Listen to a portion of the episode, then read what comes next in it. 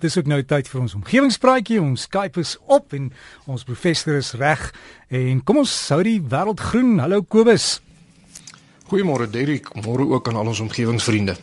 Vanoggend wil ek graag 'n brief behandel wat ek ontvang het van meneer Josef Botma wat onlangs van Klerksdorp na Jeffreys Bay verhuis het. En hy skryf dat dit vir hom voel na mate hy nou ouer word, hy baie meer skepties raak oor dinge wat hy sedert sy skooldae eintlik as feite aanvaar het. Hy sê omdat hulle nou permanent in Jeffreys Bay woon, uh, sien hulle dinge bietjie anders as toe hulle net daar vakansie gehou het en nou is daar 'n paar vrae oor die omgewing en hy het vir my vyf vrae gestuur waarby ek graag vanoggend wil uitkom. Nou sy eerste vraag gaan oor getye. En hy sê ons het op skool almal geleer dat getye deur die aantrekkingskrag van die maan veroorsaak word. En hy sê as hy nou na die see kyk in Jeffreys dan laat dit dan lyk dit of dit wel die waarheid is, maar nou wonder hy of hierdie verklaring slegs op waarneming berus en of dit al behoorlik wetenskaplik gemeet is.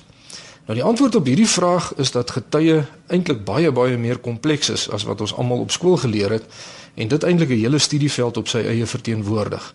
Die invloed van die maan op getye is wel al gemeet op verskeie wyse, soos byvoorbeeld met baie akkurate GPS-stelsels Maar 'n hele klomp slim mense soos byvoorbeeld Newton, Laplace en Einstein het met wiskundige formulerings die saak baie noukeurig beskryf. Dit blyk dat benewens die maan daar 'n hele klomp ander faktore is wat ook 'n rol speel by getye. En dit is eerstens natuurlik die son se aantrekkingskrag, maar dan ook die vorm van die landmassas en ook die topografie van die seevloer. In die oop see naby Antarktika, so suid van Suid-Afrika, sal die hoëgety ongehinderd reg rondom die aarde kan beweeg in fase met die rotasie van die aarde want daar's nou nie landmassas in die pad nie. So 'n waarnemer sal naaste by twee hoëgetye en twee laaggetye per dag beleef, soos wat ons gewoond is om te beleef hier in ons Suid-Afrikaanse kus. Maar wanneer die oseaan nou deur land omring word, Dan is daar 'n verskynsel wat die amfidromitiese stelsel van oseane genoem word wat 'n rol begin speel. En hierdie verskynsel veroorsaak dat die getye vir alle praktiese doeleindes op 'n manier binne in die oseaan begin roteer. En hierdie rotasie word aangedryf deur die Coriolis effek. Die vorm van die seevloer en die vorm van die kuslyn kompliseer die saak verder sodat daar plekke op aarde is waar mense hoë gety sal kry 2 en 'n half ure voordat die maan reg bo oor daai spesifieke plek verby beweeg. Nou as slegs die maan en die son getye beïnvloed het, met ander woorde as die aarde uh, heeltemal met water oordek was, die seevloer was gelyk, ehm um, en dan en daar's geen landmasse in die pad gewees nie, dan sou alle getye op aarde naaste by 54 cm hoog gewees het as nou net die maan 'n invloed gehad het.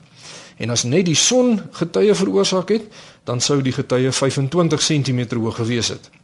So 'n springgetye sou nou die som van die twee syfers gewees het. So 'n springgety sou 79 cm hoog gewees het en 'n dooie gety slegs 29 cm hoog. Maar as gevolg van die ander faktore wat ek nou genoem het, is dit sodat op sommige plekke uh daar bykans geen getye is nie, terwyl die verskil tussen die hoog en die laagwater in die baai van Fundy in Kanada tipies in die orde van 'n allemintige 16,3 meter is. Dis verder interessant dat nie slegs die see getye ondervind nie, maar ook die vaste grond onder ons voete en ook die atmosfeer van die aarde. En alhoewel ons meestal nou glad nie eens bewus is daarvan nie, uh, is dit ook al baie akkuraat gemeet. Meneer Botman se tweede vraag gaan oor koue fronte aan die Kaap. Hy sê as hy nou terugdink aan sy fisika onderrig, dan onthou hy dat mense nie van koue wat vloei kan praat nie, maar net van warmte wat vloei.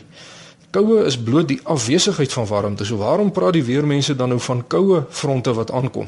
Hulle moet eintlik mos praat van 'n warm front wat uit die Kaap uit wegbeweeg. Nou die antwoord hierop is dat die omgangstaal baie kere nie wetenskaplik korrek is nie. Ons praat byvoorbeeld almal van die son wat opkom, terwyl ons baie goed weet dat dit die aarde is wat roteer.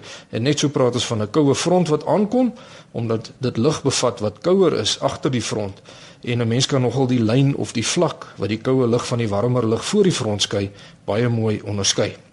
Is amper soos 'n stootskraper se lem wat 'n klomp warm lug voor die digter koue lug uitstoot en daarom praat ons van 'n koue front. Die derde vraag vir oggend handel oor die wind aan die kus. Meneer Botma sê daar is nie verniet 'n windplaas met 60 turbines tussen Jeffreys Bay en Humansdorp gebou nie. Die wind kan daar waai dat dit klap. Nou gedurende die afgelope paar maande het hulle dikwels baie sterk suidwestelike winde ervaar. En hy sê hierdie winde gaan gewoonlik 'n koue front wat reën bring vooraf. Nou wanneer dit gaan reën, Het die ou mense vertel dan val die glas, menende die barometriese druk verlaag. Nou vra hy of hier nie 'n teenstrydigheid is nie, want wind word veroorsaak deur die vloei van lug vanaf 'n hoëdruk na 'n laagdruk en die bron van die wind is dan nou juis die laagdruk koue front. So hoe werk dit dan nou? Weerens is die antwoord op hierdie vraag baie kompleks. 'n Front is bloot 'n skeidingslyn tussen twee lugmassas met verskillende eienskappe. Nou as ons nou na 'n koue front kyk, sal ons altyd aan sy suidelike punt 'n laagdrukstel sien wat ooswaarts beweeg. Daarom beweeg die hele front ook ooswaarts. Nou as gevolg van die Coriolis effek van die aarde, as ook die vertikale en horisontale sirkulasie van lug in die atmosfeer, gebeur dit dat lug na die laagdruksel wil vloei, maar dit begin dan roteer rondom die laagdruksel, sodat ons tipies voor 'n koue front in Suid-Afrika sterk noordweste winde kry. En as die koue front verby ons is, dan verander die windrigting na die bekende suidooster in die Kaap en dit word dan gaandeweg meer suidwestelik soos wat die front verder bo oor die waarnemer beweeg. Meneer Botma se waarnemingsfout is dus geleë daarin dat die front reeds bo oor hom begin beweeg het as die suidweste wind begin waai. En die dryfkrag agter die wind is inderdaad die vloei van lug vanaf areas van hoë druk na areas van lae druk. Die voorlaaste vraag vir oggend gaan oor die invloed van die wind op plante. Meneer Botma sê hy het 'n paar rytjies groenbone daar in Jeffreys geplant en as die wind nou vir 'n hele dag lank so sterk gewaai het, dan lyk dit of die jong blare van die plantjies heeltemal verskroei en amper asof daar ryp was.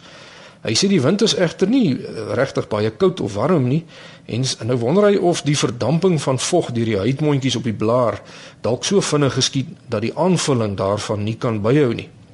Meneer Botma, u is 100% in die kol met u verklaring. Uh dis presies dieselfde effek as wind wat oor uh, ons nat lywe waai as ons nou uit die see uitkom. Die wind laat die vog vinniger verdamp en by jong plantjies word die transpirasie tempo dan oorskry. En dan die laaste vraag vir oggend, dit handel oor magma. En meneer Botma wonder waarom daar nog vloeibare magma binne in die aarde is.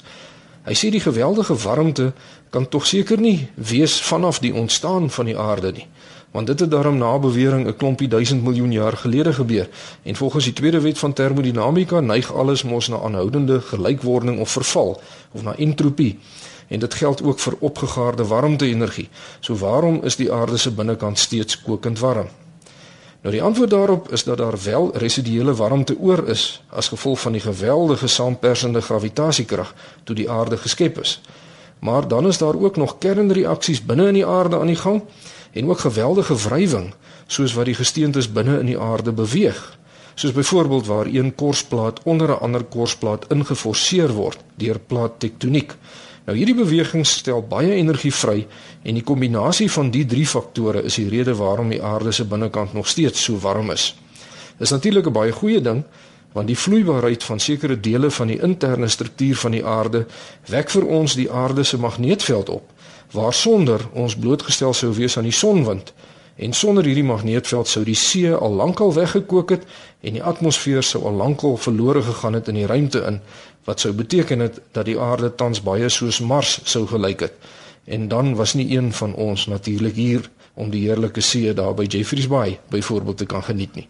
En daarmee sluit ek af vir oggend. Baie dankie aan meneer Josef Botma van Jeffreys Bay vir sy interessante vrae. En as u vir my wil skryf, is u baie welkom.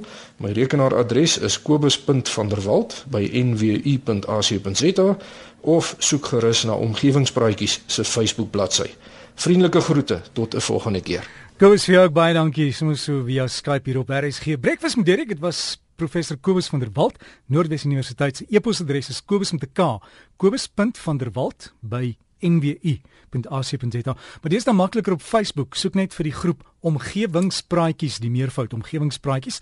Sluit aan en sien daar, al die inligting is joune.